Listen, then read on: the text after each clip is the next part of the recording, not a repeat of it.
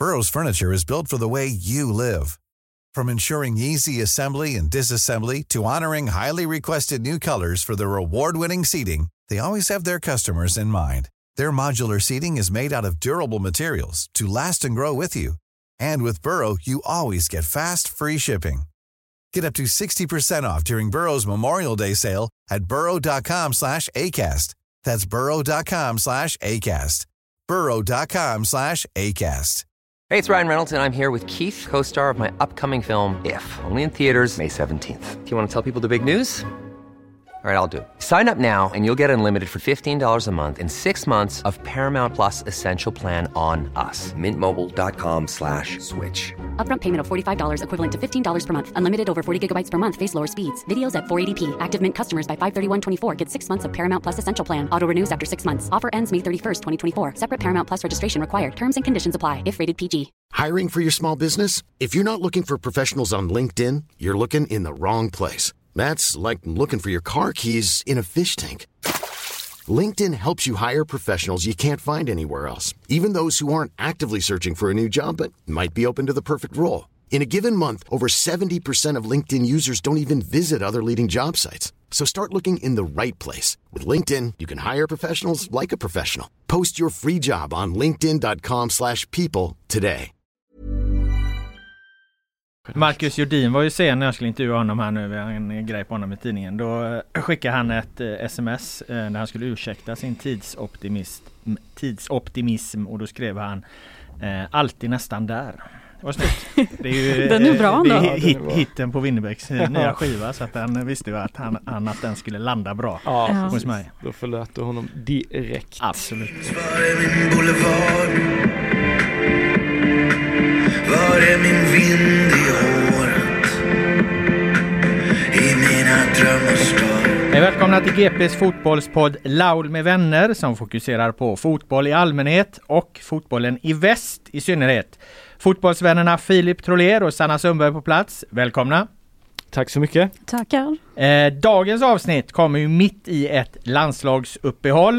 Eh, men det finns förstås en hel del att prata om ändå. Allsvenskan, är den sämre än någonsin tidigare? Det hävdar i alla fall Emil Salomonsson i IFK Göteborg. Vilket ju i så fall skulle kunna sägas gälla superettan också. Där Gais dundrar vidare mot avancemang och ÖIS och Utsikten har spelat ett viktigt derby. Sanna Sundberg, du har varit i Bromma och sett Elfsborg koppla greppet i guldstriden. Får skåningen Filip Troler tugga i sig sitt Malmö-tips till slut i alla fall. Häcken har spelat en kaosmatch.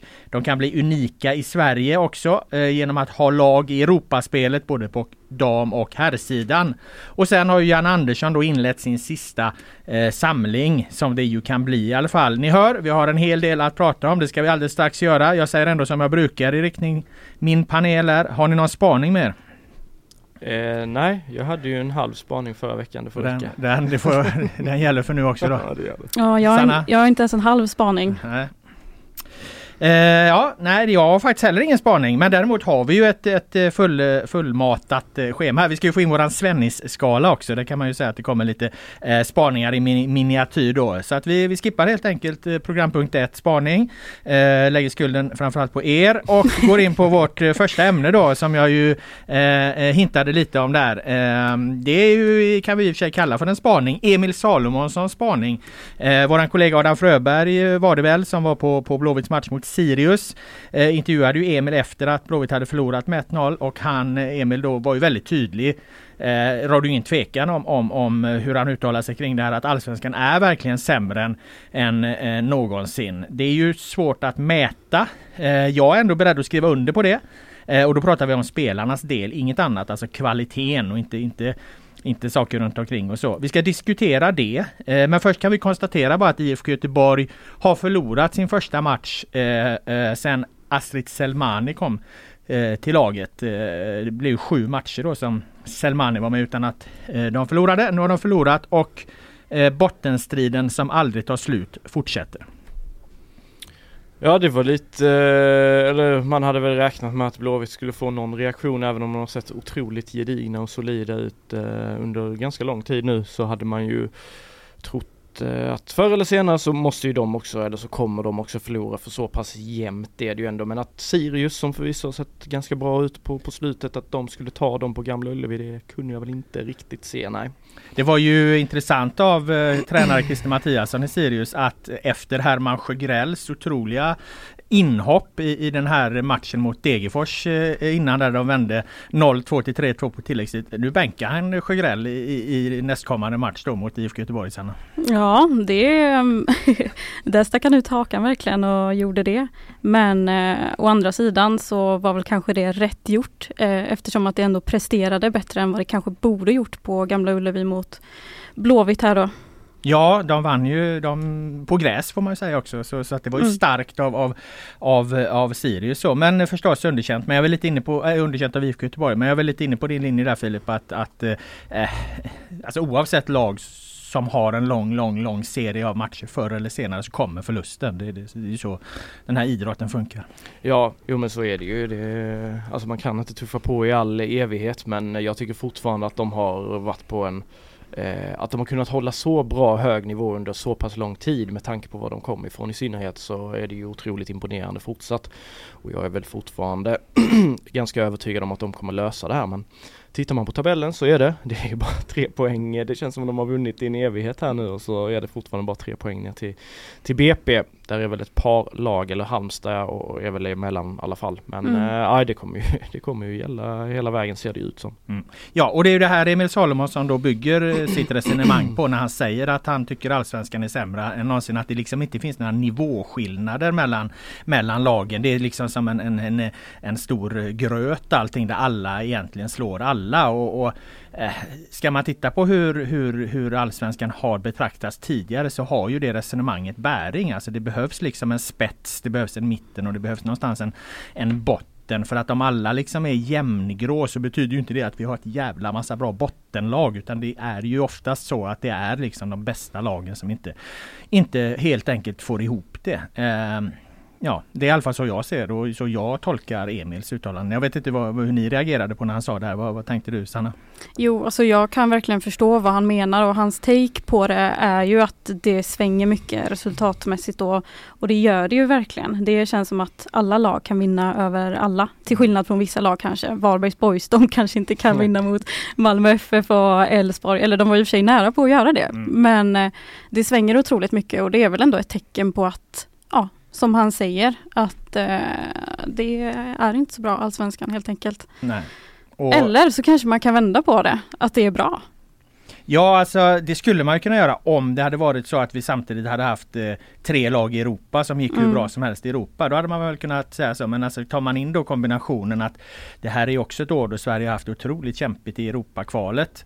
Eh, Djurgården misslyckades, Hammarby misslyckades, eh, Kalmar misslyckades, Häcken lyckades. Via den här då som kallades för det största fiaskot någonsin i svensk klubblagshistoria, eh, fadäsen mot, eh, mot eh, färöiska Klaxvik. Eh, men ändå gick till Europa League, men har ju väldigt svårt att hävda sig i Europa League. Förlorade ju mot, mot vad fan heter de här nu då? Karabach. Karabach från Azerbajdzjan som när jag såg på, på, på Ullevi där. Som har ju inlett med två raka förluster så att jag, det, det, jag tycker av den anledningen blir det svårt att vända på resonemanget där som, som, som du är inne på. Ja, ja, nej men absolut. Jag håller med. Jag håller faktiskt med Emil. Han har en poäng i det. Du har också en poäng i det Robban. Ja.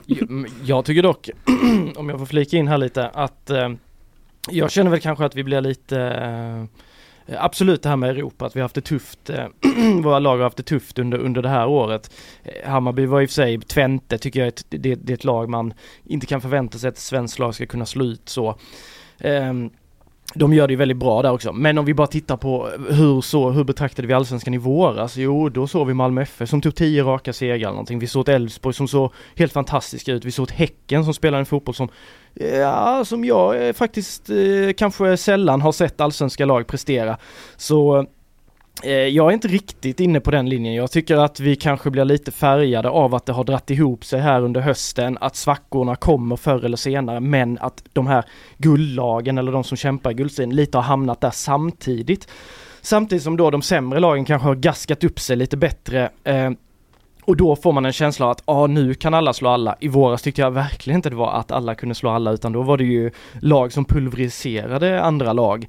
Så eh, jag tycker att högsta nivån på allsvenskan i våras i alla fall var helt otrolig. Sen tycker jag att här i, här i höst så eh, tycker jag många lag snarare har lyft sig då och att eh, topp, toppskiktet absolut att de har dassat till sig men men om du tar in, eh, om du tar in perspektivet landslaget då också som, som ju, fan hade vi ett sämre landslag? Rent statistiskt har de ju inte, har ju inte Sverige missat två raka mästerskap sedan mitten av 90-talet. Eh, Lars Laban Arnesson, den gamla förbundskaptenen, gick ju bort här tragiskt eh, nyligen. Han var ju förbundskapten på 80-talet och då missade Sverige också massa Mm. mästerskap. Då brukar man säga att då, det var landslagets liksom absolut lägsta punkt. Nu är Sverige någonstans tillbaka eh, på en låg punkt. Jag, jag ser heller li- liksom inte riktigt att, att U21-landslaget här gör så. De förlorar ju också mm. matcher som, som man undrar varför de egentligen förlorar. Så, så man tar in alla parametrar samtidigt. Problem i Europa, allsvenska där alla kan slå alla, landslagets kräftgång, U- U21-lagens kräftgång.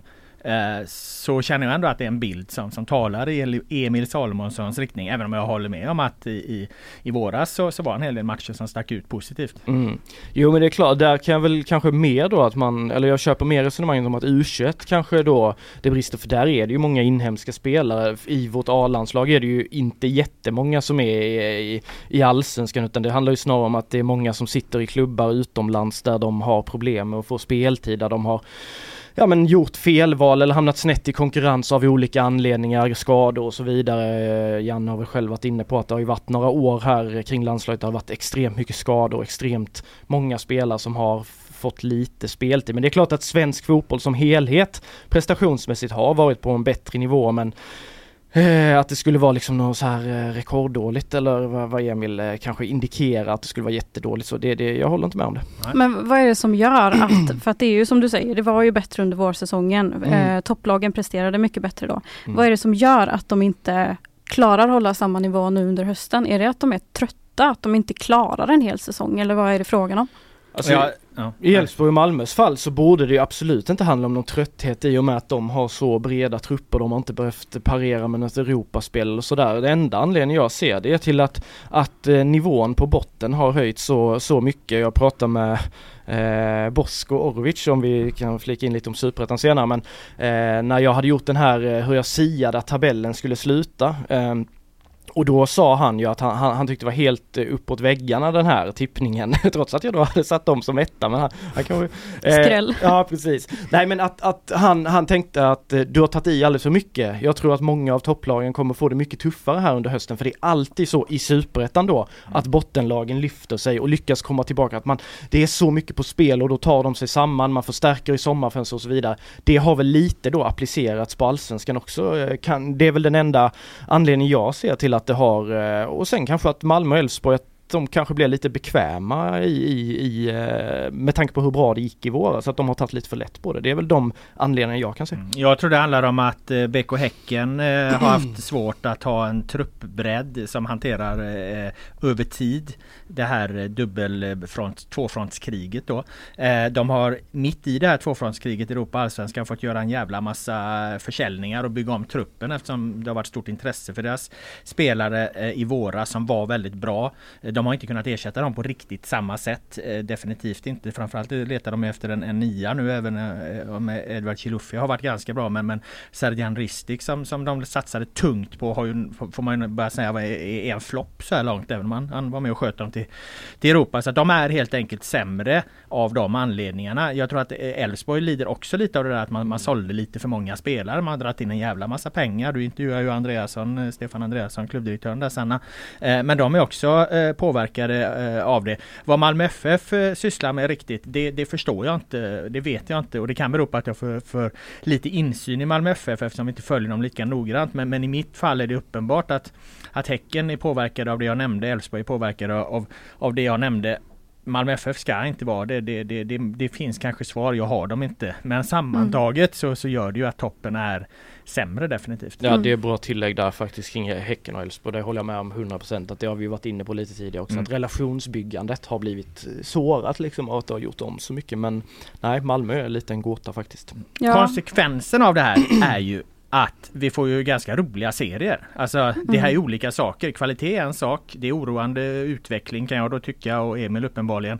Samtidigt så är det ju serier som, som för sina konsumenter, för publiken är otroligt spännande.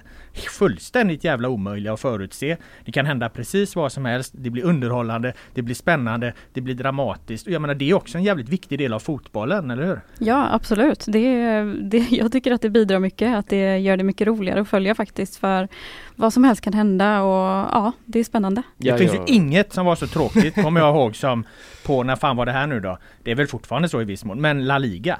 Mm. Superbra Barcelona och Real Madrid i Champions League och så här. Men hur jävla rolig var La Liga? Visst, de spelar superbra fotboll, men de kommer ju fan etta och tvåa hela tiden.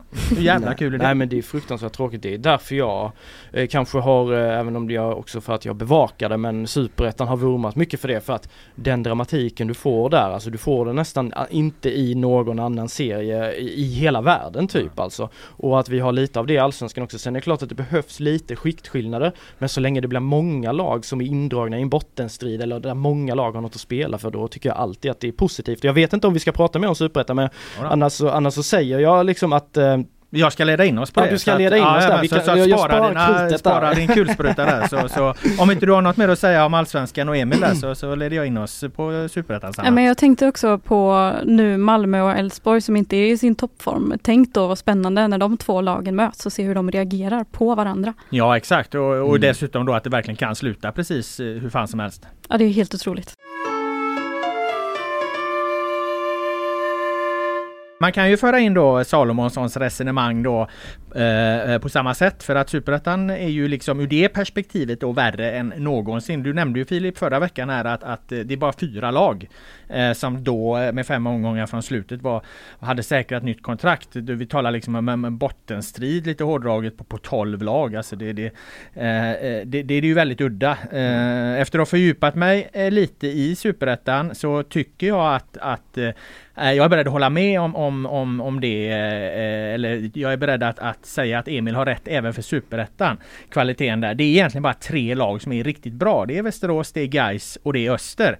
Eh, Sen kommer möjligen Utsikten då som mest av allt är otroligt eh, ojämna. Resten är skit för att uttrycka det härligt. Men det hindrar ju inte, det är ju ingen motsättning mot att till exempel Gais då gör det fortsatt bra. 6-0 senast mot eh, Trelleborg, ett nytt kliv mot, mot Allsvenskan. Här gäller det liksom att hålla två saker i huvudet samtidigt. Serien kan vara dålig, enstaka lag kan göra det bra. Ja, nej men det, det håller jag väl med om. Eh, Jag noterade ju att Gaisarna eh, efter din krönika där, de tolkade väl lite som att... De kan ju eh, inte läsa. attacken, att, att eh, Gais lyckas för att Superettan är så jävla dålig. Nej, det jag- var inte det jag skrev. Nej, jag, jag har följt Superettan i, i, i många år i alla fall och även om, om, om i årets, jag håller med om att det är, är så många lag inblandade i en bottenstrid, det, det tyder ändå på någonting att, att här finns det kanske en, en dålig kvalitet. Men samtidigt så är det väldigt många klubbar där nere som eh, betydligt fler anrika klubbar, betydligt fler större klubbar med mer ekonomiska muskler. Jag tror delvis att det handlar om att de tar ut varandra, att det är så himla jämnt, att det är så många som ville framåt. Eh, och att, att eh, då så blir det att man stjäl poäng av varandra hela tiden och de lagen som då lyckas bryta sig av från det, det vilket är fyra stycken får vi ändå säga att Utsikten har, har varit under, under lång tid den här säsongen. De tycker jag verkligen har stuckit ut och tittar man på lite statistik, vad poäng som har tagits från typ när Värnamo gick upp, när typ eh, ja men Degerfors och de gick upp så är Gais och, eh, och Västerås i en historisk kontext så är de på en, en bra nivå. Eh, och jag tycker att jag har sett upplag av Superettan där i alla fall bottenskiktet, alltså de, det har varit tre, fyra lag som har varit så jävla dåliga. Och det tycker jag inte finns i år, utan Skövde som många räknar ut, de ser ju faktiskt jättebra ut helt plötsligt. ÖIS, och det är klart att det kanske då handlar lite om att serien är, är, är svag. Men jag tycker framförallt att det är en produkt som är mycket bättre nu än för typ tre år sedan. Alltså Superettan är för mig en bättre liga nu än vad den är för tre eller fem år sedan. Uh, och sen har Gais eh, får man ju säga, så att de då kan pulverisera lag på det här sättet, har 21-2 i målskillnad på fem matcher. ehm, det är, eh, det är ju helt otroligt och ska egentligen inte kunna hända i en så jämn serie så det är väl snarare ett styrkebesked då. Om inte resten av lagen är skit som sagt. Men eh, jag fick ett mail då, eller jag fick rätt många mail, men jag fick ett mail från en Gaisare. Jag ska bara läsa lite kort där. Han skrev efter den här krönikan. Hej! Som inbiten Gaisare satte jag kaffe till vrångstrupen när jag läste din krönika idag om Allsvenskan och Superettan. Först blev jag irriterad av att Gais insatser i år nedvärderades och att de beror på dålig konkurrens. Men efter att ha funderat lite till på din text så tycker jag den är spot on. Jag delar din uppfattning om status på lagen i både Allsvenskan och Superettan. Kanske har det helt enkelt blivit för många lag och underlag, eh, underlagsbyten och byten av spelare och resurser räcker inte till för att få en högre eh, standard. Eh, eh, jag tycker att du ska skriva en del två på krönikan och dra in vårt landslag i analysen. Bla bla bla skriver han vidare. Så det var ju en, liksom en begåvad läsare som, som kunde, kunde liksom eh, läsa från A, A till Ö så att säga. Eh, och där, där tror jag också att det är en effekt eh, av, av de här ständiga underlagsbytena. Det är inga, mig veterligen, sådana ligor i världen som, som har så stora skiften mellan underlag att vissa matcher, hälften av matcherna på konstgräs, hälften av matcherna på gräs hela tiden. Det kan inte vara en, en det kan inte vara bra. Nej, Du menar superettan eller? Ja även i super, för det är ju likadant i superettan med att det är hälften av lagen där också som, som spelar på plast. Liksom. Mm. Ja, jag vågar inte snacka för mycket om superettan för jag, det, detta är första året som jag följer dem lite grann. Men eh, Skjut från höften, det brukar jag säga till Niva när han var med i vår TV för 15 år sedan. Du som bäst när du skjuter från höften och inte har riktigt koll på exakt vad du säger. Då blir det bra och spetsiga uttalanden som Ja, folk kan hur? diskutera sen. Så det är bara att skjuta från höften. nej, men om jag ska säga hur jag själv känner med superettan så tycker jag inte att det kittlar jättemycket förutom vissa lag. Och det är ju de lagen som ligger i toppen som du är inne på. De andra, jag går inte igång på det. Eh, och det är väl för att det inte är tillräckligt bra kvalitet skulle jag gissa. Det är nog det jag känner. Ja nej, nej men så, alltså jag kan köpa den åsikten att man som, om man säger objektiv åskådare, att man inte tänder till. Samtidigt så är det ju otroligt många eh, betydligt mer starka klubbar då, liksom intressanta klubbar där nu än vad det har varit tidigare. Det har varit mycket, många lag i- förut med liksom dåligt med publik och dåligt med resurser, inga starka ekonomi och så här. I, i, den, I den parametern så är det ju väldigt många bra lag och jag tycker ändå, det måste väl ändå vara lite styrkebesked av serien Superettan att tre allsvenska nyligen degraderade lag som HIF och, och Sundsvall, att de liksom får kämpa för att hänga kvar i den här serien. Det kan ju inte vara att, eh, visst att de då har missat och gått bort sig som de stora drakarna de är, men det kan ju inte helt vara ett svaghetstecken till, till Superettan att det ser ut så heller. Eller? Ja, jag tycker bara så här att jag har ju sett tre eh, eh, noggrant nu då eh, Superettan-matcher senaste tiden. Även om du klagar på mig att jag lämnar, lämnar Gais Öster i paus så fortsätter jag kolla på den på TV där. Det var varmare i soffan. Eh, nej men jag såg ju Utsikten AFC, jag såg Gais Öster och jag såg Gais, eh, Trelleborg Gais här. Eh, Gais Öster tycker jag är jättebra fotbollsmatch. Det, det var på en hög nivå, den var jämn liksom. Gais spelar jättebra, Öster gjorde bra efter sin för, förutsättningar. Det blev 1-0 eh, och så vidare. Det var, det var en bra kvalitet i den matchen. Eh, Utsikten AFC tycker jag var en, en, en svag kvalitet och jag tycker även att det var rätt dålig kvalitet i Trelleborg eh, eh Gais som vi nu ska liksom glida in lite mer på, på, på, på, på Gais här då. De vinner ju med 6-0 till slut men, men Trelleborg har ju rätt farliga lägen efter taffligt spel i inledningen av den här matchen. Sen får de 1-0 liksom och de trummar på dem in i flowet och med den här maskinen. Men det där är ingen jättebra fotbollsmatch. Ja, men det, skulle det, jag säga liksom. Nej, precis, det är lite det jag menar också. Det är ingen rolig, det är ingen bra fotbollsmatch att kolla på. Guys kör ju över Trelleborg. Ja, det är ju och då match ligger de ändå, vad fan ligger de, sexa eller någonting liksom? Ja, åtta, men de har väl hamnat lite, återigen om man ska se det på två olika sätt, att de hamnar ju lite i mitten även om de fortfarande kan åka ur så är det ändå lite, det är en jävla massa lag däremellan och, och, och sådär. Så de kanske lite brister i, i motivation även om de inte ska göra det naturligtvis så, så är det väl lite så. Men eh, nej, den matchen som match så är det ju inte, men jag tycker Gais insats, alltså så som de spelar andra halvlek. Jag satt bredvid en, en, eh, en herre som har, har följt Gais sen 70-talet på, på läktaren. Och han sa att för mig så har Gais aldrig spelat bättre än, än vad, vad de gör nu. Och då har jag ändå bra perspektiv han. Sen är det klart att man kan inte jämföra 2011 då när de var i Allsvenskan och, och utmana de absolut svåraste lagen eh, mot det de gör nu. Men, eh, men det indikerar ändå någonting om liksom vad, vad den här Gais-upplagan gör Eh, oavsett lite vad, vad nivån på, på superettan är då. Mm.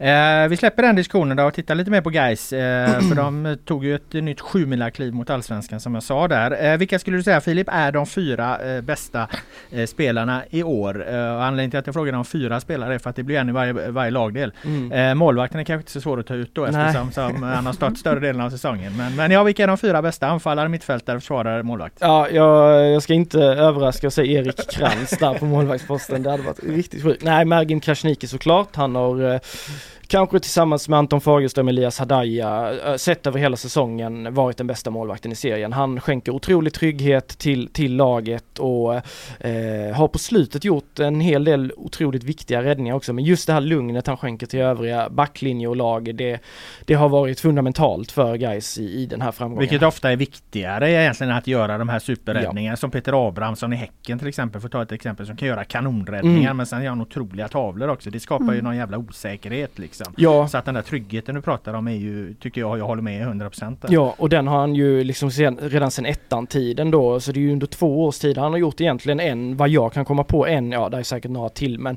men en grov tavla och det är den mot ÖIS i derbyt eh, där han tappar in en eh, frispark, men annars liksom Gaisarna kan aldrig känna sig stressade när Mägim är där, så, så han eh, såklart. Eh, sen försvarssidan, eh, backlinjen där, där, ja det är ju väldigt svårt att ta ut, alltså hur ska man värdera de här, där är ju fyra mittbackar framförallt då som eh, Robin Frey har spelat mycket ytterback också där man Ja, hur ska man kunna välja?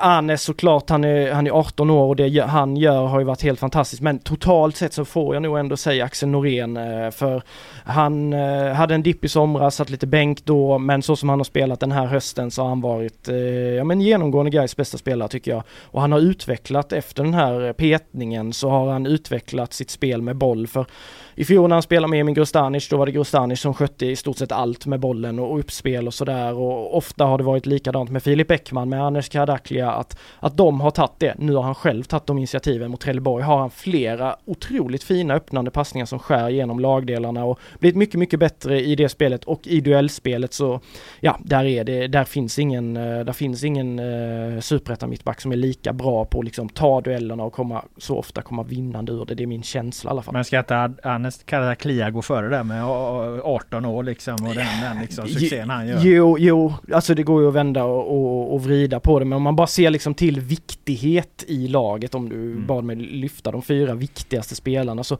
tycker jag ändå Norén måste omnämnas för att han har också de ledaregenskaper som så som Anes och Bäckman och de här har sagt att de har varit helt avgörande för dem att han finns där men, men Anes utveckling och det, och det han gör sett till sin ålder och den kvaliteten han gör det med är ju, det, det är ju liksom ett litet, u- alltså det är ett stort utropstecken i, i, överallt liksom men, men eh, som viktig för laget så håller jag ändå Norén ett snäpp högre. Mm. Mittfältare då? Eh, ja, Joakim Åberg. Nu satt han på bänken och det är väl ett, ett styrkebesked av Gais att man kan, man kan spela bort Trelleborg med 6-0 utan, för mig är det ju deras bästa spelare den här säsongen. Han eh, styr ju allting i, i tempo och passningsspel och eh, elaka tungor eh, kallade honom för Gåberg eh, för några år sedan när han eh, hade svårt, och, svårt att få upp tempo. Han eh, hackade runt på plan och kom ju inte alls rätt och var skadad hit och dit hela tiden. Han har fortfarande en skör kropp men så fort Fidde får chansen så, så vilar, han, vilar han honom och, och är väldigt försiktig med just honom. För han har ju förändrats, han gjorde en höftoperation, jag tror han gjorde på båda höfterna om jag minns rätt. Eh, och efter det eh, så har han liksom kunnat springa normalt, alltså han hackade runt som en gubbe emellanåt på, på matcher. Han är fortfarande inte den snabbaste spelaren, han, han, han har, är det någon svaghet så är det ju lite det här kanske tempot, att han har lite svårt att komma loss där. Men han är ju helt fenomenal på allt det andra, han är det är ingen spelare som är lika bra i serien på, som honom på att komma ur press när han får press på sig. Han exakt liksom hur han ska tajma när han tar emot bollen, när han släpper passningsspelet också på en sanslös nivå. Och då kan inte ens Axel Henriksson, trots hans sjuka höst här, då kan inte han, eh, han kan inte utmana honom. Utan Åberg, han är navet i hela laget. Jag tycker att Dino Saliovic har imponerat på det jag har sett av dem och jag kommer ju ihåg Saliovic från när han kom fram i Norrköping. Han kom fram jävligt tidigt där. Mm. 16-17 år någonstans och, och var ju inne i Allsvenskan eh, och spelade en del liksom. Nu har karriären gått lite i stå. Eh, otroligt kul att han har fått fart på den. Han spelar väl i princip varenda match under den här utlåningsperioden och vad jag tror att han är extremt viktig eh, för guys det är, det är en sak som de gör väldigt bra och, det är, i, och den är ofta förbisedd kan jag tycka. Det är det här återövringspressen som de har liksom. Mm. Alltså att, och, och, och där, där, där är jag, eh, ser jag honom som djävulskt viktig liksom. Och, och jag tror inte det är en slump att han får spela i princip varenda match trots, trots uh, han är ju utlånad liksom. Ja, nej Fidde har ju hyllat honom stort flera gånger. Just också att han är mångsidig. Han, han har gjort det fantastiskt bra när han har fått vikariera som högerback och han kan gå ner som sexa, han kan spela åtta. Han är ju en riktig, alltså en pitbull, Ja. en, en, eh, som bara kör hela tiden. Han är ju våldsam i sitt pressspel och tar enorma löpmeter och inställningsmässigt så är han ju den spelaren som aldrig faller ur ramen. Det är väl han och, och, och Norén tycker jag liksom som du får, du, du- får aldrig en dålig, dålig inställning från de gubbarna så eh, absolut. Alltså det finns väldigt många vi skulle, skulle kunna hylla här och, och Dino är definitivt en av dem men, men för laget liksom hela det här Fredrik Holmberg har byggt så är alltså Joakim Åberg tillsammans med ett par till är liksom hela kärnan i att det här har varit möjligt. Hur gammal är Åberg? Vad är han nu? Han är väl 25 tror jag. 25? Mm. Eh, så, så de är lite så här, där är ju ett gäng, samma Gustav Lundgren då som jag, ja han, han är ju 28 då, där är ett gäng som de har, och Julius Lindberg han är nog 24, det är lite så här late bloomers på flera av dem där det har funnits stor potential men där, där de av olika anledningar inte antingen har nått elitfotbollen eller inte riktigt kunnat behärska elitfotbollen. På grund av skador, på grund av konkurrens, på grund av kanske eh, att man inte har varit mentalt redo, det finns hur många olika skäl som helst men det tror jag är bra för guys att, de- att de är lite högre ålder också för då är det inte riktigt lika stor risk att eh, andra klubbar ska, ska fiska upp dem. eh. Förutom om man är så bra som Julius Lindberg då är, tycker vi ju allihopa här Ja. tror jag. Och vi ska komma in på honom för han är väl en, i alla fall på mig den, den spelare som jag när, jag när jag börjat sätta mig in i guys ser bara oh jävlar den här killen lirar på en lite annan nivå. Men jag ska släppa in dig Sanna först här. Du får chansen liksom att och, och, eh, sabla ner Trolers eh, utnämningar här. Om du har någonting. Du, du nämnde ju att du inte hade följt Superettan så, så, så noga. Men, men eh, eh, nu har du chansen i alla fall om du, om du vill eh, leverera någon annan kandidat. Nej men det skulle, det skulle ju lyftas fyra spelare här men det känns som att nu har vi diskuterat många spelare ändå. Men det är väl Axel Henriksson i så fall som jag skulle vilja ha in men det är klart att Joakim Åberg kanske ändå går före där såklart av det jag har sett. Men Axel Henriksson har gjort en kanonsäsong och det är så mycket saker som man bara tycker om med honom. Jag vet inte, han har det här goet som man Ja, bara uppskattar ja. så mycket. Jo absolut och, och ser man till att de kom ur sin lilla svacka i somras så är Axel Henriksson den huvudsakliga ingrediensen i det tycker jag och det är för att han har en, en spelstil som knappt, eh, det har jag varit inne på några gånger tidigare, den finns knappt i svensk fotboll längre. Den här eh, mittfältaren som, som bara pumpar på med djupledslöpningar och han har en timing där som är, det är allsvensk klass eh, deluxe på, på det. Eh, och de har gjort hur många mål som helst, att han släpper ut på kant, går rakt ner mot kortlinje, får den här passningen i djupled och när han är i princip i ytan nere vid kortlinjen snett utanför straffområdet då hittar antingen cutback bak som någon kommer på avslut eller bara in framför mål och någon är där och styr in den. Julius Lindberg exempelvis mot Öster forcerar in, forcerar in bollen där och med de här löpningarna, han har ju sådana älgkliv liksom så det är så svårt för försvararna att eh, de tror ju att ja, men han, han, han har ju långt kvar men så tar han bara ett kliv och så är han där före straffen mot Trelleborg är exakt eh, eh, exempel på en sådan sak där han kommer med den här farten, kommer med den här löpningen och de kan inte stoppa honom så det är absolut, alltså Axel är ju där och flåsar Åberg eh, så, så, så långt upp i nacken som man kan men jag måste ju, jag måste ju välja här så. Ja, det gör du egentligen Nej, inte riktigt jag eftersom inte, men du, jag du säger rabblar upp Åberg så här. jävla många. Ja, ja, men, ja, ja, men- men det är bra. Gåberg där han sig för. Nej det, det Eh, känns elakt. Nej men du är inne på någonting där som är intressant och det är ju det jag själv pekar på i, i krönikan. Jag skrev där att det som verkligen andas allsvensk klass i Gais det är ju deras förmåga att eh, spela bollen snabbt framåt på spelare i, i, i rörelse. Där har de ju verkligen satt en systematik som, som imponerar. Eh, där påminner de om de bästa lagen i, i allsvenskan även om de gör det mot ett annat motstånd. Så att, så att där är det bara att lyfta på hatten. Men vi ska eh, nämna den sista eh, anfallspositionen här då. Där är vi väl alla överens om att Julius Lindberg eh, är en lite egen klass för sig. Ja. Eh, jo men det är han. Sen var Det är inte konstigt att Häcken eh, ska köpa honom. Eller ska Nej, nej, ta nej, honom. nej så är det ju liksom. Han har gjort, eh, om jag nu har gjort räkningen rätt här, så har han gjort 21 poäng nu. Han har ju han har gjort 10 mål, 11 ass. Eller om det är 11 mål, 10 ass kanske. Eh, och han har gjort 4 mål och 6 assist på 5 matcher. Det är otroligt. Det är- Helt otroligt det är ett poängsnitt på två per match och inte bara det utan då vad han gör med det här laget. Om vi hyllar Dino för hans pressspel och den intensiteten han erbjuder så bara titta på vad Julius Lindberg gör, alltså när han spelar i den här spetsrollen. Och då ska vi säga att då var han ju tyckte jag, helt fantastisk i en åtta-roll och tänkte att flytta aldrig någonsin bort Julius Lindberg från den rollen om ni vill ha framgång guys. Nu har Fidde gjort det och Julius har ju varit lite missnöjd med det emellanåt, eller missnöjd, men han har sagt jag vill ju helst vara åtta och sådär. Men han har ju fått liksom växa in i den här rollen under, under hösten efter att han, precis som Norén då, fick också, hade en tuffare period. Mycket var, tror jag, kopplat till alla de här ryktena som var honom, honom och när vi avslöjade att han var klar för Häcken och det blev reaktioner från supportrar och burop och det, det kan inte ha varit någon lätt situation. Dessutom blev han sjuk i den vevan och han var småskadad i den vevan. Det blev direkt så här spekulation om att ah, han försöker tvinga sig bort och han vill inte vara här och han ska bara tänka på Häcken, skeppa honom. Alltså det var många som hade den åsikten att antingen ska han bara sitta på bänken och ruttna eller så ska han bara skeppas direkt. Men nu är det ingen som säger de sakerna längre för det han har tagit sig upp på den här hösten. Jag tycker det tyder också på han är fantastiskt teknisk, han är fantastiskt spelmässigt eh, och fart och allt det där men mentalt också visar ju, det där är ju en karaktär eh, utav eh, Guds nåde liksom för kan du klara av det och repa dig efter att dina e stora delar av dina egna supportrar ändå vänt emot dig eh, då, då är du riktigt jäkla stark. Eh, så Julius är, och för mig är han ju, han är ju superettans bästa spelare eh, totalt sett. Sen vill jag ändå, även om ni är sura på mig nu att jag lyfter många, men man kan inte, jag kan inte lämna det här segmentet utan att ha lyft eh, Gustav Lundgren också för hans assistfot, han är etta i assistligan i, i superettan och jag, jag, ska sätta mig faktiskt och rä räkna lite på hur många av målen guys har gjort som han är involverad i, för det känns ta fan som att han är involverad i varenda mål. Han har ett finger med alltid och en spelförståelse och, och en inläggsfot som är helt fantastisk. Så ett litet eh, omnämnande för honom också. Jag kan inte lämna det utan att göra det, tyvärr. Nej, du fick in det också. Eh, vi ska säga det, vi ska prata mer om guys, inte nu dock, men vi får hit eh, eh, tränare Fidde Holmberg eh, som eh, kommer till ett specialavsnitt eh, som vi spelar in på fredag här om allt går som det ska. Eh, då ska vi höra om han håller med om, om våra eh, fyra bästa eh, eh spelare bland annat vi har valt ut och en hel del annat såklart. Det finns ju hur mycket som helst att eh, eh prata med honom om men det ska vi göra då. Eh, vi ska inte prata mer om guys nu.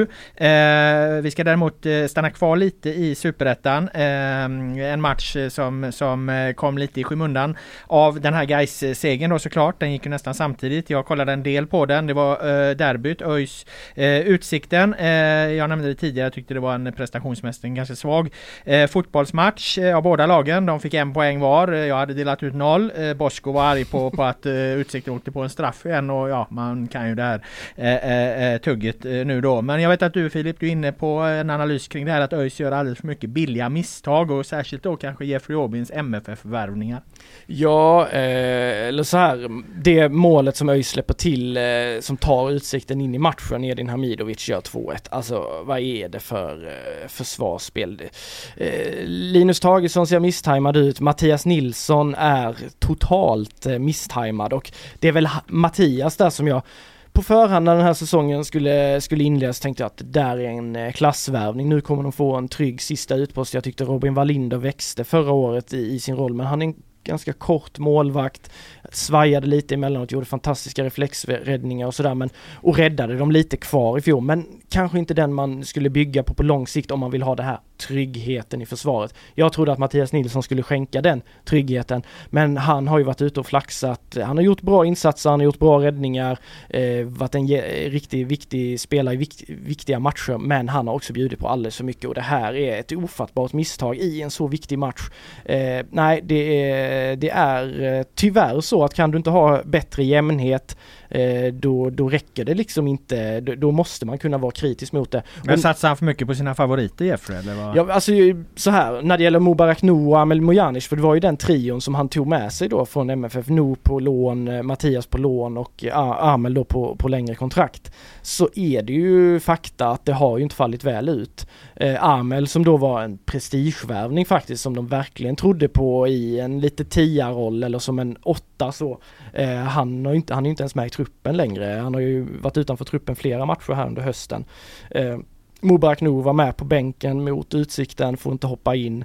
Så jätteintressant ut i våras, men jag vet inte om det är så att de två är den typ av, en typ av spelare som de är unga båda två ska sägas, att i det här läget kanske det inte är de spelarna man satsar på. Jag tror båda de två fortfarande kan nå, nå väldigt långt och det tror jag väl att Mattias Nilsson också kan, men det är unga spelare och och eh, två av dem då, de får inte ens vara med längre. Mattias, han, han räcker inte till. Så ja, så sett så kan man väl, eh, ja det var ju en miss liksom att eh, alltid lätt att sitta och vara efterklok och sådär men eh, det kanske, kanske att man gick lite för hårt på det. Jag tycker väl generellt att ÖIS eh, var lite, lite för aktiva på marknaden och, och man kan väl vara kritisk tycker jag också mot dem hur de agerade här i, i sommarfönstret där, eh, där de eh, förstärkte på mittfält och anfall, två anfallare, en, en mittfältare in, förstärkte inte försvaret trots att Kristoffer Styffe då hade körtelfeber, stått med Asulaj och Sangre som enda mittbackar i truppen. Vad händer mot Utsikten? Jo, Jonathan Asulaj tvingas bryta på grund av skada. Styffe är inte med i truppen trots att han var friskförklarad för en tid sitsen. Så de får kasta in Linus Tage som får då flytta in som mittback och William Svensson får komma in som högerback och eh, efter det så rasar ju försvaret under en period på en kvart, 20 minuter. Eh, så det får väl lite, jag frågade Andreas Karlsson om det här när jag satt ner med honom men nej, de sa att de hade landat i att det här var det bästa för de tyckte att ja, det fanns spelare som Tagesson, som Jonathan Drott skulle kunna gå och täcka upp på den här mittbackspositionen trots att de var lite tunna där. Nu tycker jag det bevisar att eh, det håller inte. Det kan de ju inte mena, att, han var, att de var nöjda med det och nej. tyckte att det var tillräckligt tillräckligt? Nej, alltså det, det, var så han sa det och sen är det klart att allting handlar ju om ah, vad har man råd att göra och då tyckte de kanske att prioriteringen var två anfallare, en mittfältare. Jag kan ställa mig frågande till det. Eh, och de visste ju ändå om att Styffe han har en bit kvar innan han är tillbaka för ha, hade de haft Kristoffer Styffe som backup då hade jag då hade jag kunnat köpa, kanske lite. Men när man ändå vet att han är en så osäker punkt att då bara stå där och att okej, okay, om Asulaj eller Sangria går sönder, då är, då är det någon av de här ytterbackar eller defensiv mittfältare eller någonting som ska spela där, som inte är vana vid den här positionen, någon av dem ska sägas. Så eh, det var gambling från dem och eh, nu blev, det, blev de straffade för det. Mm. Förklarar ju att de fortfarande ligger där de gör i botten av, av eh, superettan. Eh, utsikten där eh, har du haft en lite liknande teori kring att deras eh, tapp i toppen av tabellen då, nu är det uppe i sju matcher där utan seger. Vad har mm. de?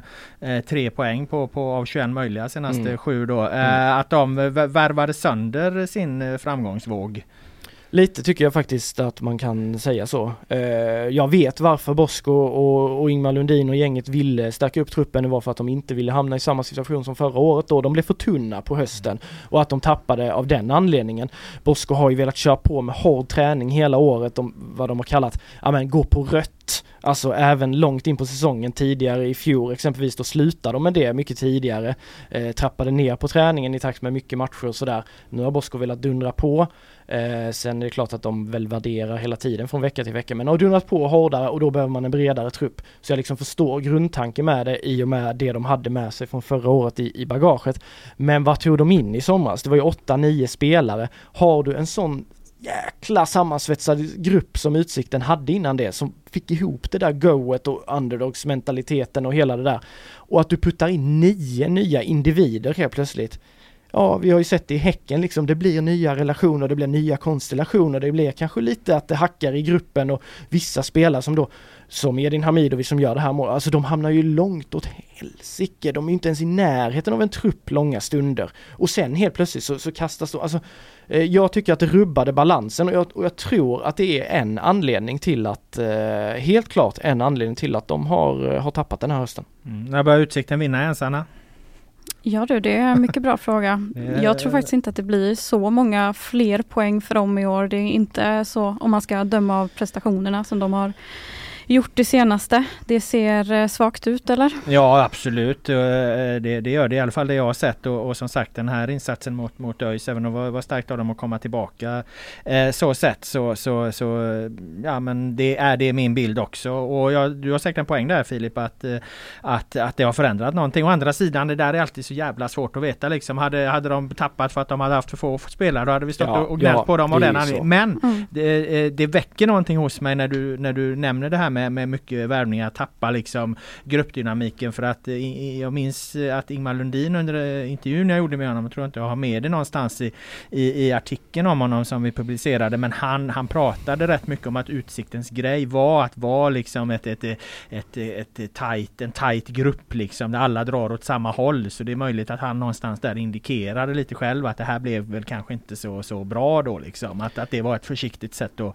att vara lite självkritisk kring det då då nu när du kommer med det här Mm. inspelet. Ja men li, alltså så här, absolut att de, hade, de behövde ta in spelare. Jag tycker de gjorde helt rätt att de tog in William Milovanovic exempelvis. Att de stärkte upp på vissa positioner där de var lite tunna redan. Men att ha en trupp med 31 spelare Mm.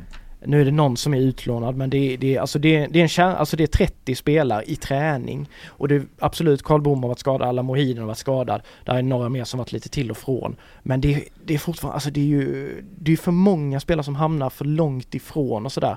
Så jag, jag, det är klart att vi hade kanske suttit sagt annorlunda om de inte hade värvat. Men nu när vi vet hur det har sett ut då måste vi ju ändå kunna, kunna dra slutsatser av det vi ser. Och, och det jag drar för slutsats då det är ju att, att ja, de rubbade kanske gruppdynamiken här. Mm, jag håller med, absolut. Det är klart att en klubb ska värva. De Mm. gjorde inte fel i att värva men man vill aldrig förändra för mycket. Nej. Så de tog ju såklart in lite för många spelare i Mm. somras.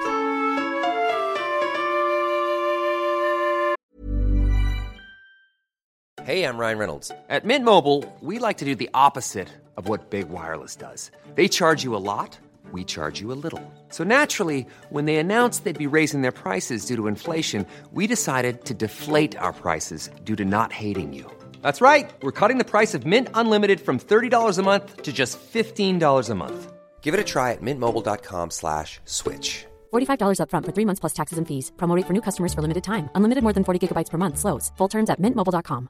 Many of us have those stubborn pounds that seem impossible to lose, no matter how good we eat or how hard we work out. My solution is PlushCare. PlushCare is a leading telehealth provider with doctors who are there for you day and night to partner with you in your weight loss journey. They can prescribe FDA-approved weight loss medications like Wagovi and Zepbound for those who qualify. Plus, they accept most insurance plans. To get started, visit plushcare.com slash weight loss. That's plushcare.com slash weight loss. Burrow's furniture is built for the way you live.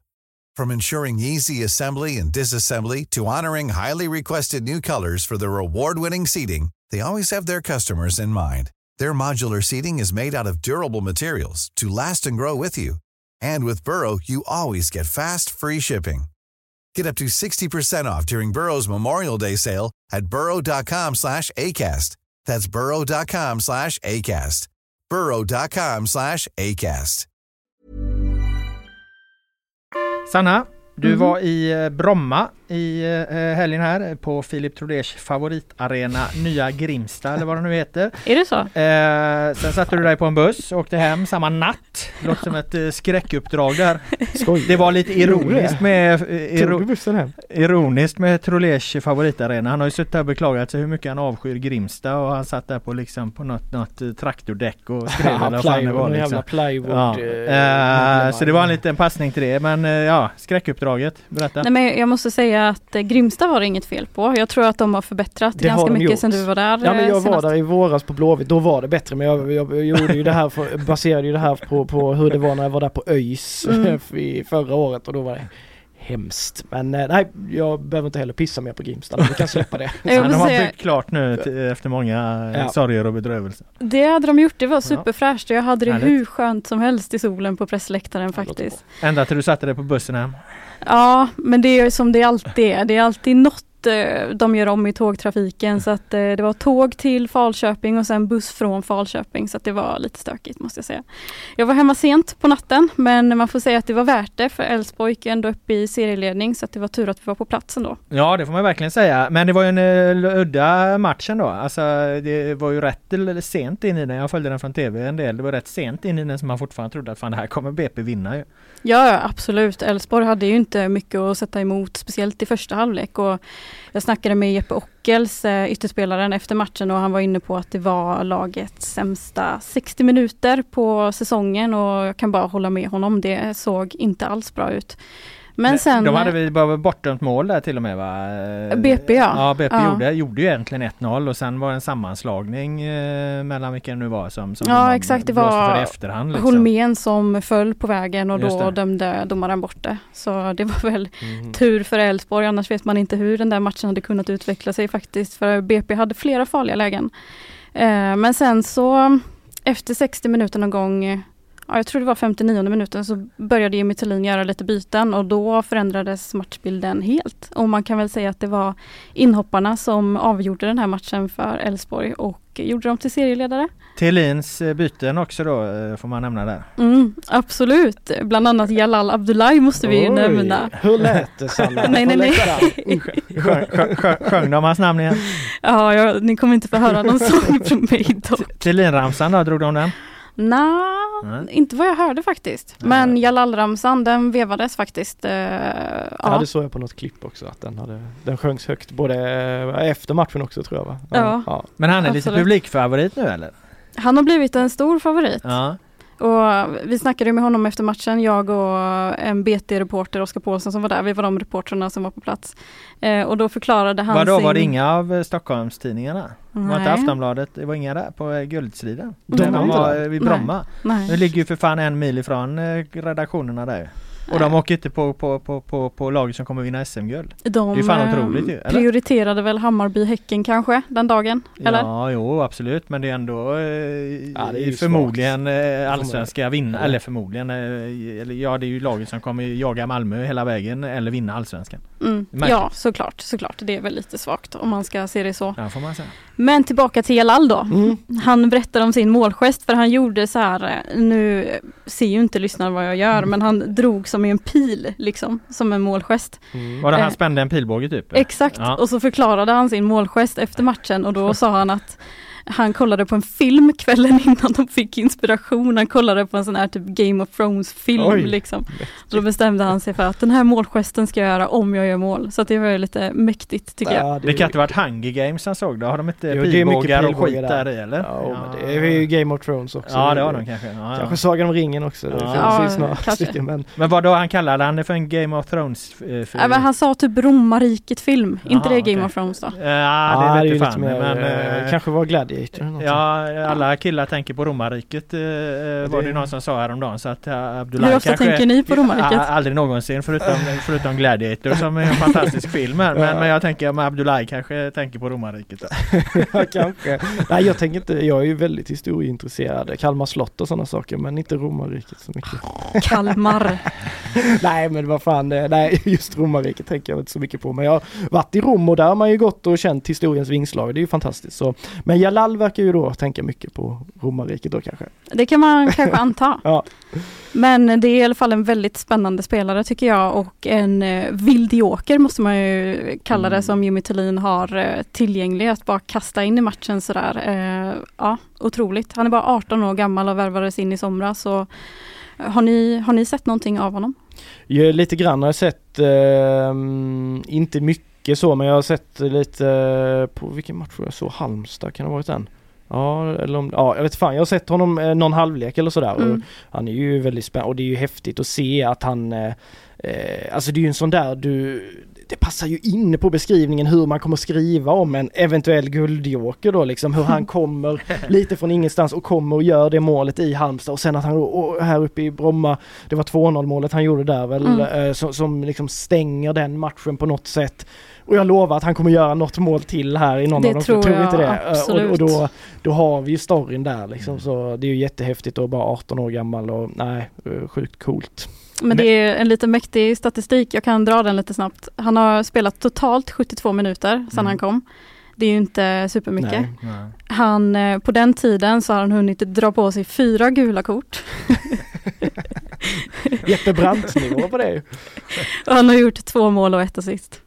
Ja det är fan Ja, otroliga ja, är- siffror på alla håll och kanter liksom. Alltså han är ju lika oborstad som eh, eh, knivskarp får man ju säga. Alltså ett mål var 36 minut. Det, det, det, det, det är högt. Ja, Ja. ett rött kort får vi säga också. Ja, ett rött de här- ju. Shit, det händer grejer runt eh, honom alltså. Men eh, vi, har, vi har ju gnällt rätt mycket på Elfsborg och deras prestationer och skit eh, och så här liksom. Och nu var det återigen då som du nämnde att Ockels var inne på en dålig prestation i 60 minuter och så gör de de här målen och så lossnar det och så är, är, är Abdullahi hjälte och allt är frid och fröjd. Men, men, men, men eh, kändes det efteråt som att de ramlade rätt med, på något sätt nu då? Eller ska de fortsätta liksom och ta de här krampaktiga segrarna? Vad, vad, vad fick du för intryck av dem liksom? Är de, är de, är de trygga med det de håller på med? Det, det känns Jag- ju inte riktigt så ändå. Nej, men om man ska ta det som Jimmy Tillin säger så det känns ändå som att han tror på deras spel. Det är Mm. inte det.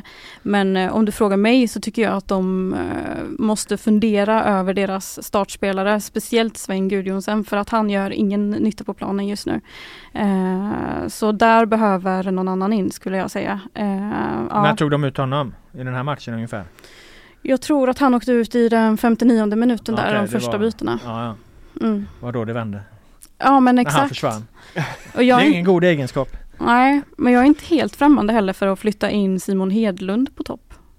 Hur uh, har Ja, de har inte ut? velat- inte... Ja, men de har inte riktigt velat spela så. eh, För de har ju haft den stora nian liksom. Det är lite olika skolor där hur fan man ska göra liksom. Ska man spela med den snabba nian eller ska man spela med den mötande nian liksom. Så Mm. att, eh, eh, jag håller med. Jag hade gärna sett, eh, sett eh, Hedlund där men han, då, han, då är det nog mer mot motstånd när de måste eh, gå på omställning. Mm, jag har varit inne Malmö på. Ja, jag har varit inne på att jag vill ha in Kassem i startelvan också Mm. för att jag tycker att han är en otrolig spelare och jag tycker att han känns helt redo för en startplats faktiskt. Och sen, det är inte så att han inte har startat denna säsongen heller men det är lite så, ibland så startar han och ibland så får han börja på bänken. Mm. Jag tycker att han förtjänar fler startchanser. Ja. Han är jättefin tycker jag. Ja, han är ju ung så han är väl lite alltså, ojämn. Jag tänker mig att det är det Thelin tänker på där liksom. Att Mm. det går alltid lite upp och ner för de unga spelarna. Så att, eh, men jag håller med. Jag tycker han är jättefin varje gång jag, jag ser han i princip. Mm. Ja i våras var han ju jäkligt bra i några matcher alltså. Det var någon, var det Malmö eller det var någon match sådär som var riktigt så man hajade till verkligen över det han gjorde så.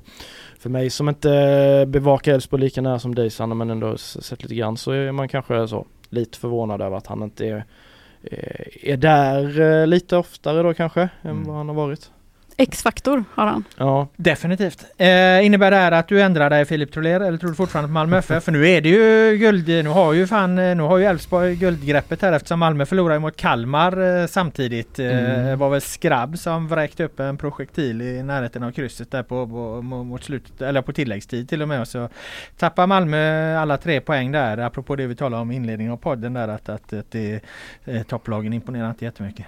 Nej vad var det du kallade Kalmar här om veckan? Gulddräparna? Ja just det, de har vunnit mot Häcken, Elfsborg och alltså. har fan tagit alla tre. Det- Så att så sätt spelar det ingen roll för att alla har ju förlorat mot Kalmar. Ja, och det, det, när man tänker på hur Kalmar ser ut här bitvis under sommaren så är det ju, har man ju lite svårt att ta in det att de har lyckats fälla alla de tre eh, drakarna liksom.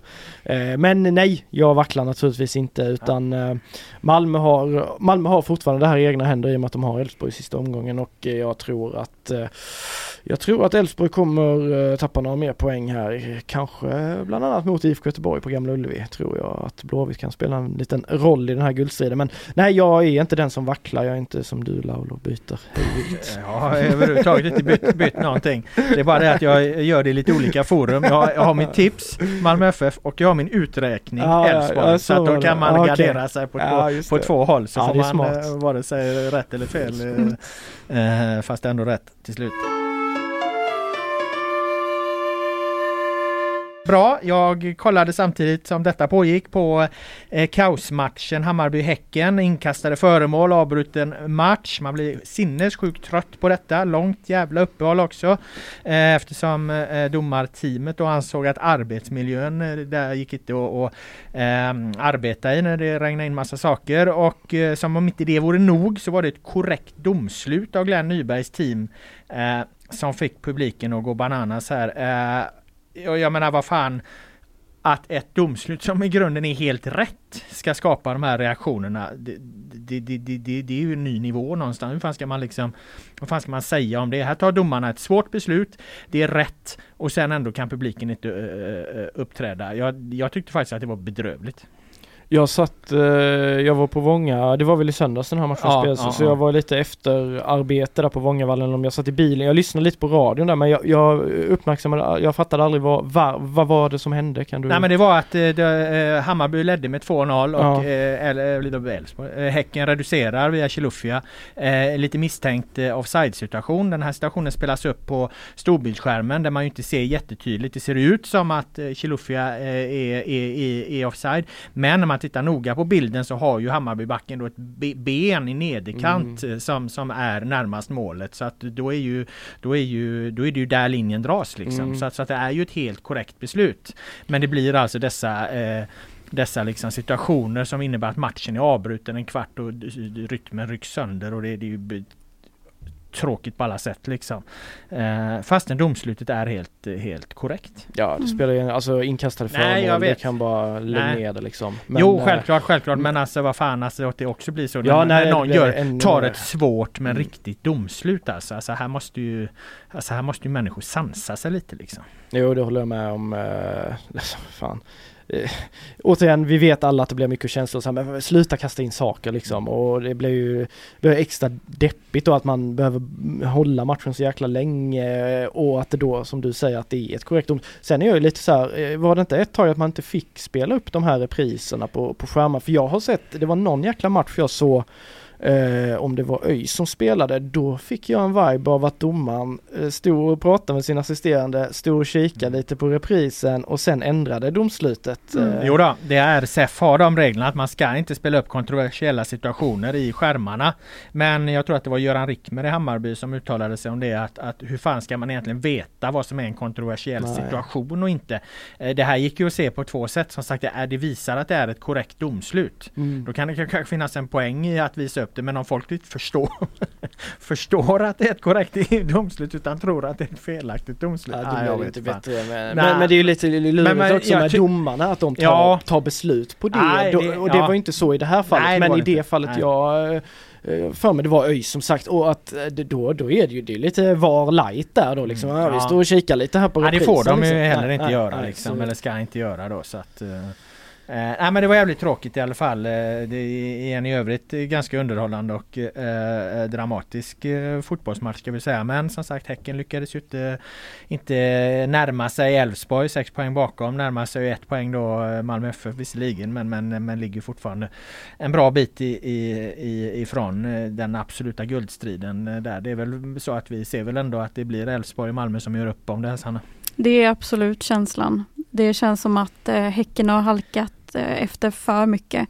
Även om jag kanske tycker, jag har kollat lite på matchen i efterhand, att Häcken var värd tre poäng mot Verkligen. eh, Hammarby, helt klart. De hade många chanser som kanske borde suttit. Men eh, från guldstriden vågar jag nog kanske redan räkna bort dem. Ja, det är absolut. det, det, det håller jag med om.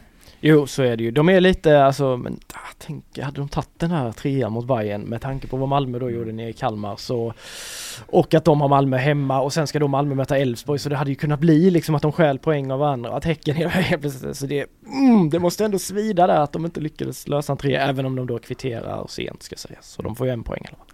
Däremot är ju Häcken eh, kan ju bli historiska faktiskt här ikväll i förhållande till, nej det kan de inte, men eh, halvt historiska ikväll i förhållande till när vi spelar in.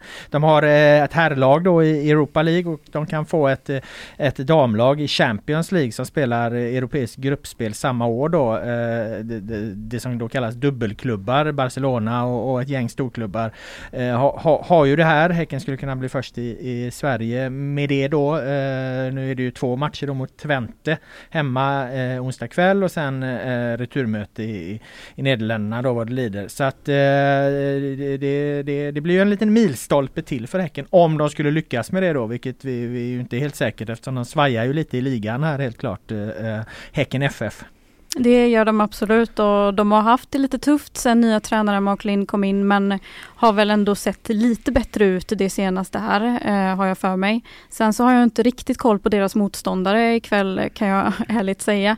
Men eh, man får väl ändå se Häcken som favoriter i det här. Man kan i alla fall säga så mycket som att de har fått en, en, en jävligt bra lottning. Mm. Eh, jag tror inte att de hade kunnat få så många eh, utan att det här blir en lätt match på något sätt tror jag så, så hade de väl inte kunnat få så många lättare motståndare i, i den här lottningen då. Så de har ju verkligen ett guldläge att ta sig till, till Champions League igen. Ja nej men det har vi varit inne på tidigare att eh, det, det hade kunnat vara så mycket svårare väg och eh, det är ju bara, hade ju varit eh, otroligt häftigt eh, om de kunde lyckas med den bedriften att ha både på, på här och damsidan. För det är ju som sagt, eh, det är väl, eh, ja hur många, sa du hur många lag det är som har det eller vet vi det? Ja, ah, jag gick igenom ett gäng där. Ja. Det, det, det är ju både, det, det är ju framförallt stora klubbar Ja, då, då, då. Men att lilla Häcken om Bayern München, liksom- ja, eh, ja, men att lilla Barcelona. Häcken då kan komma in där. Real Madrid kan bli det, liksom. Ja, det hade ju varit, det hade varit eh, otroligt häftigt naturligtvis men ja det, det kommer ju kommer bli en fight för dem också här med tanke på då att de har tappat i, i ligan. Hammarby är väl, eh, liksom de är ju där och gruffas på riktigt nu. Det kommer ju bli ett sjukt race. Mm. Eh, stor- Där har vi också en guldmatch Ja. eh, eventuellt näst sista omgången. På möts, Tele2, va? Ja, möts Mm. de har flyttat till Tele2 nu Mm. då så att, så att det, det kan bli ett jävla drama där Det också. Va? skulle ju, ja. Som om det inte var nog liksom med allt, allt som händer i det, avslutningen av det här Nej precis, och kryddade till det med det också. Alltså tänk, eh, tänk Hammarby där med tanke på den kraften som finns i den föreningen just på publikfronten. Alltså där är inte känslan att vi skulle kunna få ett nytt eh, rekord på klubblagsfotboll för, för damer eh, i den matchen? Absolut, det var Ja. väl 20 000 eller knappt strax under 20 000 som såg eh, Hammarby mot AIK var det väl i ett derby här eh, för Mm. Två år sedan vill jag minnas. Eh, som är gällande rekord i, i, i, i, damallsvenskan. Och sen var det ju en, en bra jävla publiksiffra på Svenska Kuppen också när, när Häcken var där Mm. och förlorade mot Hammarby. Men, men, men som sagt damallsvenskan tror jag absolut, det, ja, herregud, skulle det är en guldmatch mellan Hammarby och Häcken så kommer de, då fyller de ju Tele2. Ja det tror jag också. Det hade varit, det hade varit eh, otroligt eh, fint för, för ligan liksom damallsvenska som har kämpat lite grann eh, framförallt kanske i våras med publiksiffror och sådär så hade det varit en riktig boost liksom. Så det får vi hålla tummarna tummarna för nästan så. Eh, så. Mm. Mm, mäktigt.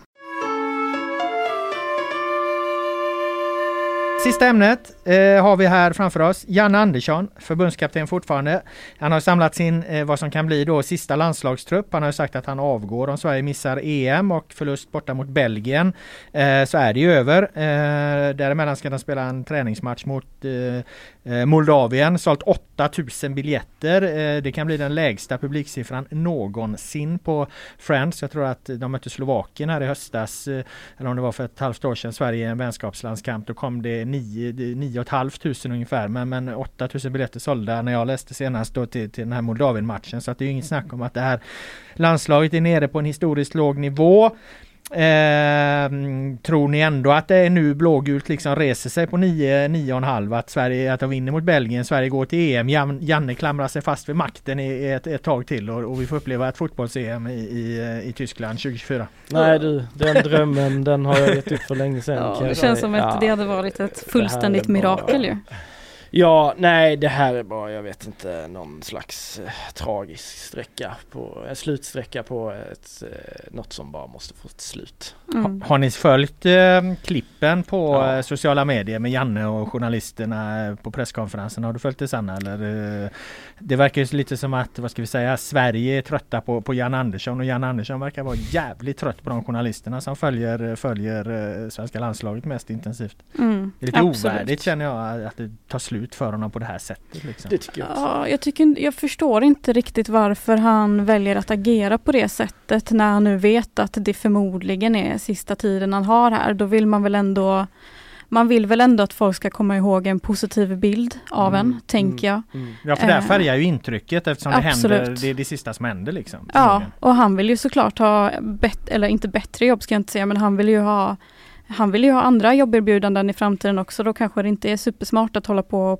på det här sättet. Och sen tycker jag också att det är en ganska deppig utveckling som vi ser av han. För om man jämför med hur han var i början så var han ju det här positiva liksom jättelätt att tycka om. Men eh, nu är det kämpigt alltså. Ja. Han har det väldigt kämpigt och det är tråkigt att se att han är så bitter Ja, faktiskt. ja. Ja. och den personen du re- re- refererar till den är han ju egentligen. Liksom. Ja, ja, alltså, han är ju liksom en glad, glad eh, gamäng med humör visserligen. Mm. Men, men nu är han ju, ja, jag tycker du sätter fingret på det. Det, det, det känns bittert liksom. Det är så onödiga saker som han ifrågasätter Mm. också för att jag tycker att eh, frågorna som han får är väldigt befogade också. Det är helt normala frågor. Det är bara att svara på dem. Man behöver väl inte ifrågasätta till punkt och pricka liksom. Nej, alltså det där tycker jag är så små, alltså så här, eh, när, när tränare håller på sådär, eh, man får en fråga, du fattar vad frågan handlar om.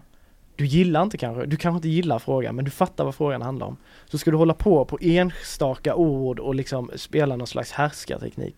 Jag tycker det är så svagt när du är en ledare som ska liksom, och dessutom då vara ansiktet utåt, det är till supportrarna, det är till svenska folket du talar och så sitter du och beter dig sådär. Jag, eh, jag tycker han tyvärr eh, alltså skämmer ut sig från att min bild, jag bevakar ändå något mästerskap där med Janne och, eller ja sådär och, och alltså jag hade så positiv, jag tyckte han var så jäkla vilken fin eh, snubbe, alltså han frågar hur folk, alltså så här, otroligt omtänksam, eh, hade glimten i ögat hela tiden, även när det var lite så här motigt emellanåt så. Men jag trodde aldrig att han skulle gå i den här eh, Erik Hamrén eh, gången liksom där det bara blev snäsigt och, och, och gnälligt och otrevligt till slut. Eh, jag tycker det är så sorgligt att en, en epok i svensk landslagsfotboll som hade en extremt hög höjd och där det var ett landslag som alla verkligen älskade att det slutar på det här sättet. Att det går sportsligt upp och ner, det kan man köpa men att, att stämningen runt det hela ska behöva bli så här, det Absolut, jag kan köpa att han, han är trött på vissa frågor och sådär men som Sanna säger, alltså det är fullt befogat och, och du får väl ändå bete dig när du sitter och har den rollen som du har. Mm, han har ju också velat, vilket jag tycker är en poäng i det, han har ju velat fortsätta trots eh, alla bakslag. Mm. Han ville fortsätta efter eh, att de missade Qatar-VM. Han ville fortsätta efter att de blev eh, degraderade i Na Nations League. Liksom, det hade ju annars varit några logiska slutpunkter att, att kliva av men han ville någonstans fortsätta. Han måste också förstå att det här är en hur mycket fel det nu är eh, hans eh, eller spelarnas, det kan man ju resonera kring men, men han är ju ändå talesperson för det här och han har ju velat fortsätta trots de här bakslagen. Då måste han ju som du var inne på Sanna förstå att ja frågorna kommer följa på det liksom. Vad fan ska man annars fråga om liksom? Alltså de har ju, det finns ju inga glädjeämnen senaste vad, hur många år är vi uppe i? Två åren? Det har ju gått spikrakt neråt. Vad fan mm. ska folk fråga om? Nej. Sen är det klart att det blir en viss stämning på de här presskonferenserna. Alla samlas och det är under en kort period, det blir intensivt, det bombas liksom. Jag tycker, jag läste Fotbollskanalen, eh, den intervjun han gjorde där och som jag tycker där, där får han, där får han ju möjlighet att bre ut sig och där framstår han inte alls som lika så här Eh, snarstucken och, och dryg som han faktiskt är här. Men, men han måste i sin roll så måste han kunna, kunna liksom bete sig på ett bättre sätt tycker jag eh, på de här presskonferenserna. Vi låter det bli slutord på det och vi ska avsluta dagens podd med Svennisskalan. Eh, jag vet inte hur förberedda ni är men jag tar mig friheten att börja faktiskt. Oh. Eh, eh, varför kanske ni kommer förstå men jag börjar i alla fall. Eh, Svennisskalan då, det är vad veckan har varit. Vad har varit bra, mycket bra och mycket, mycket bra. Och på bra Eh, då har jag att Karl-Erik Nilsson, eh, som vi diskuterade förra veckan, lämnade en av de här två posterna. RF-ordförande, eh, Uefa-styrelsen. Han slutade då eh, som RF-ordförande. Eh, sen är jag fortfarande lite tveksam till hur han jagades av, av eh, de blodtörstiga Stockholmskrönikörerna. Tycker inte riktigt att brottet stod i proportion till straffet. Erik Hilmersson här hos oss skrev en balanserad krönika tycker jag. Men faktum var att i sakfrågan fick ju Karl-Erik faktiskt rätt till slut. Och eh, en del tycker det är fel. Uefa har, hade ju aldrig bevisligen fattat något beslut om ryska ungdomslag eftersom eh, beslutet blev ett helt annat. Eh, om det här rapporterade även vår kollega Andreas Jonsson bra här som ju avslöjade dokument som talade för Nilssons sak då. Jag tycker det var synd att Karl-Erik Nilsson lämnade RF och inte Uefa. Han borde ha lämnat Uefa istället men man kan inte få allt. Det var vad jag vill säga om det. Eh, mycket bra eh, måste jag säga, Marcus Berg-hyllningen på Gamla Ullevi. Eh, den var väldigt värdig. Det var röra, direkt rörande faktiskt att se tv-bilderna på Marcus och hans eh, eh familj när de vandrade ut på inneplan eh, med tifon och, och, och eh, vackra musikaliska toner. Eh, syntes att det gick rakt in i hjärtat på både honom och hans familj. Så cred till IFK Göteborgs eh, arrangemang där. Det var, var, var jävligt fint allting. Fint tifo också tyckte jag. Jättefint, så, mäktigt. Så ja det kändes värdigt och shit ja det gjorde faktiskt ont i en eller ja så att se hans eh, hur berörd han var hans familj också liksom hur de ja, barnen tittar på pappa och sådär. Det var, nej det var väldigt rörande faktiskt. Mm, jag var ju, jag var på matchen ja, eh, och ja. såg han nere i mixade zonen eh, och han var ju väldigt berörd alltså mm. det det var inte så att det var stageat på något nej, vis utan han var berörd på riktigt Marcus Berg och, och fint att se var det. Mm. Nej, ofta så eh, handlar diskussionen om att vi är för dåliga på att hylla våra hjältar i svensk fotboll. Men, men, men här gjorde alla inblandade ett bra jobb. Eh, så mycket bra till det. Och sen mycket, mycket bra. Eh, slutligen skulle jag vilja lyfta två kollegor på GP. Eh, Adam Fröberg och eh, Felix Thornberg. Adam jobbar ju mycket mot IFK Göteborg. Han har även lett den här podden ibland när jag har varit borta. Andra program på GP-sporten. Eh, gjort ett otroligt jobb, bra jobb här under hösten. En kanonkille, en extremt pålitlig reporter. Eh, Felix Thornberg jobbar ju mycket inhouse. Han redaktörar, styr och eh, fixar och trixar en eh, riktigt jävla klippa. Så det skulle jag bara vilja säga att Adam Fröberg och Felix Thornberg, mycket, mycket bra kollegor och reportrar. Mm. Kan bara instämma. Ja, herregud. Det fantastiska personer, fantastiska journalister som eh, förtjänar all positiv cred. Bra, eh, då var det min Svenneskala. Vem är redo att ta över? Men... Eh, Känner du dig redo? ja, eller? Jo, men jag känner mig Du redo. ser tror jag. svinredo ut. Ja, men jag är, jag är redo.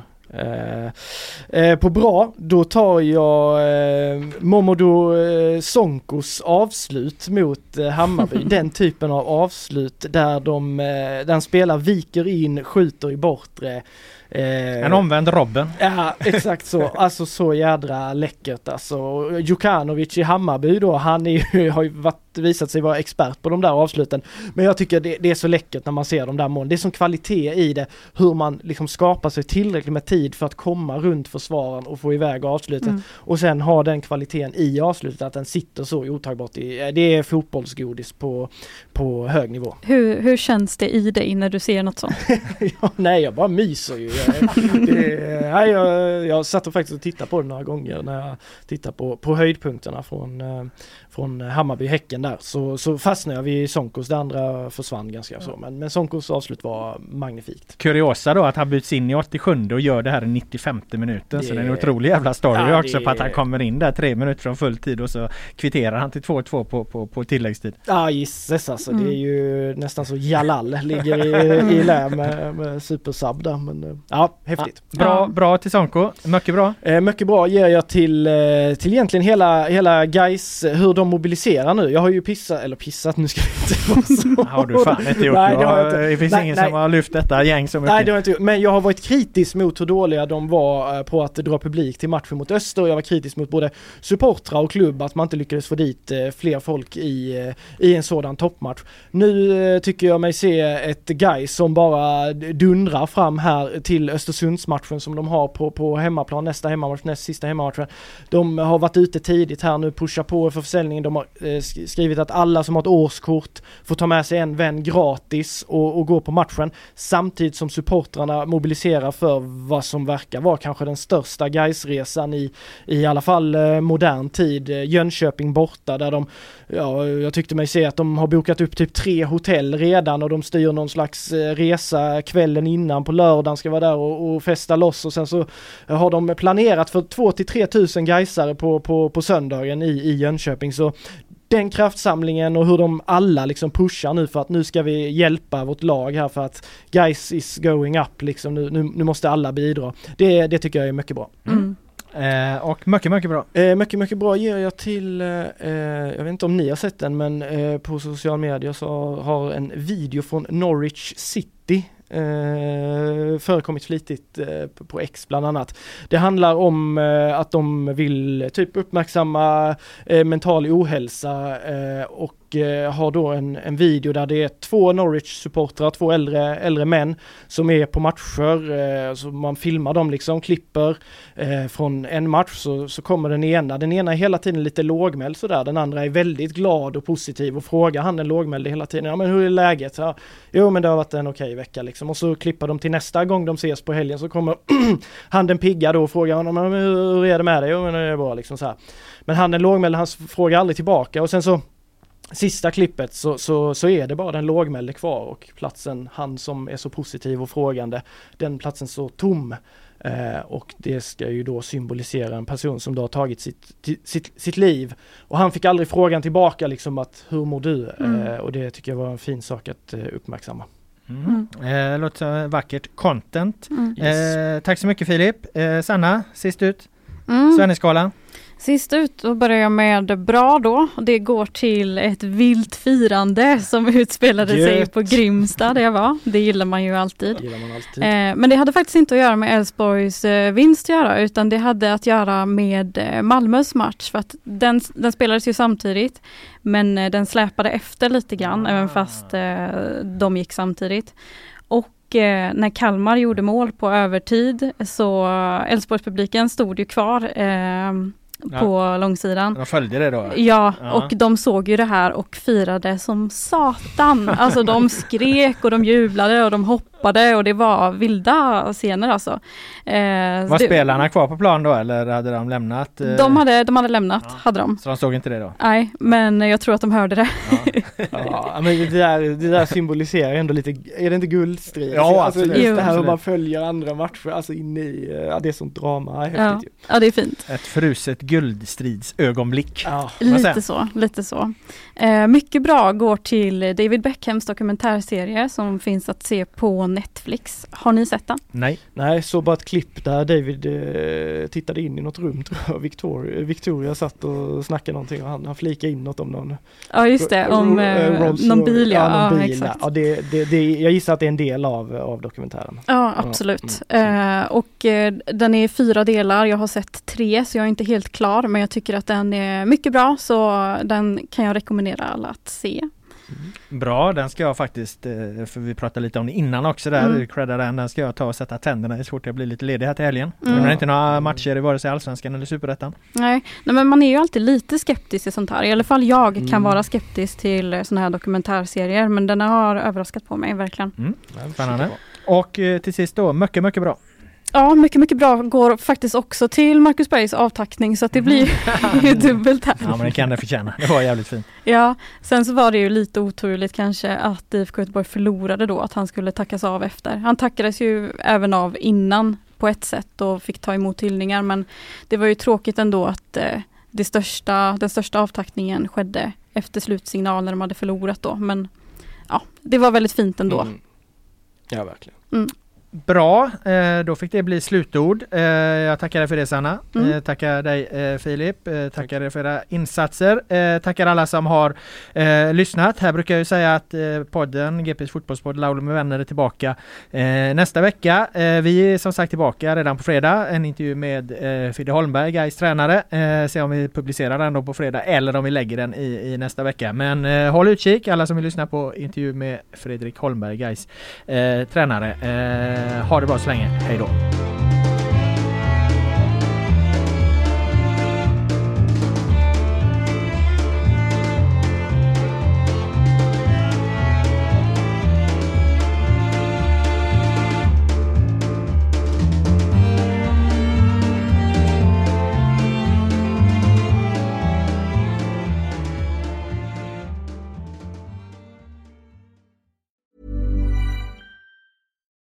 Why don't more infant formula companies use organic, grass fed whole milk instead of skim?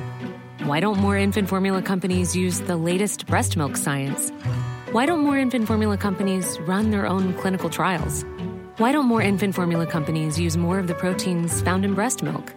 Why don't more infant formula companies have their own factories instead of outsourcing their manufacturing? We wondered the same thing. So we made ByHeart, a better formula for formula. Learn more at byheart.com. Hi, I'm Daniel, founder of Pretty Litter. Cats and cat owners deserve better than any old fashioned litter. That's why I teamed up with scientists and veterinarians to create Pretty Litter. Its innovative crystal formula has superior odor control and weighs up to 80% less than clay litter. Pretty Litter even monitors health by changing colors to help detect early signs of potential illness. It's the world's smartest kitty litter. Go to prettylitter.com and use code ACAST for 20% off your first order and a free cat toy. Terms and conditions apply. See site for details. Planning for your next trip? Elevate your travel style with Quince. Quince has all the jet setting essentials you'll want for your next getaway, like European linen, premium luggage options, buttery soft Italian leather bags, and so much more. And is all priced at 50 to 80% less than similar brands. Plus, Quince only works with factories that use safe and ethical manufacturing practices. Pack your bags with high-quality essentials you'll be wearing for vacations to come with Quince. Go to quince.com slash pack for free shipping and 365-day returns.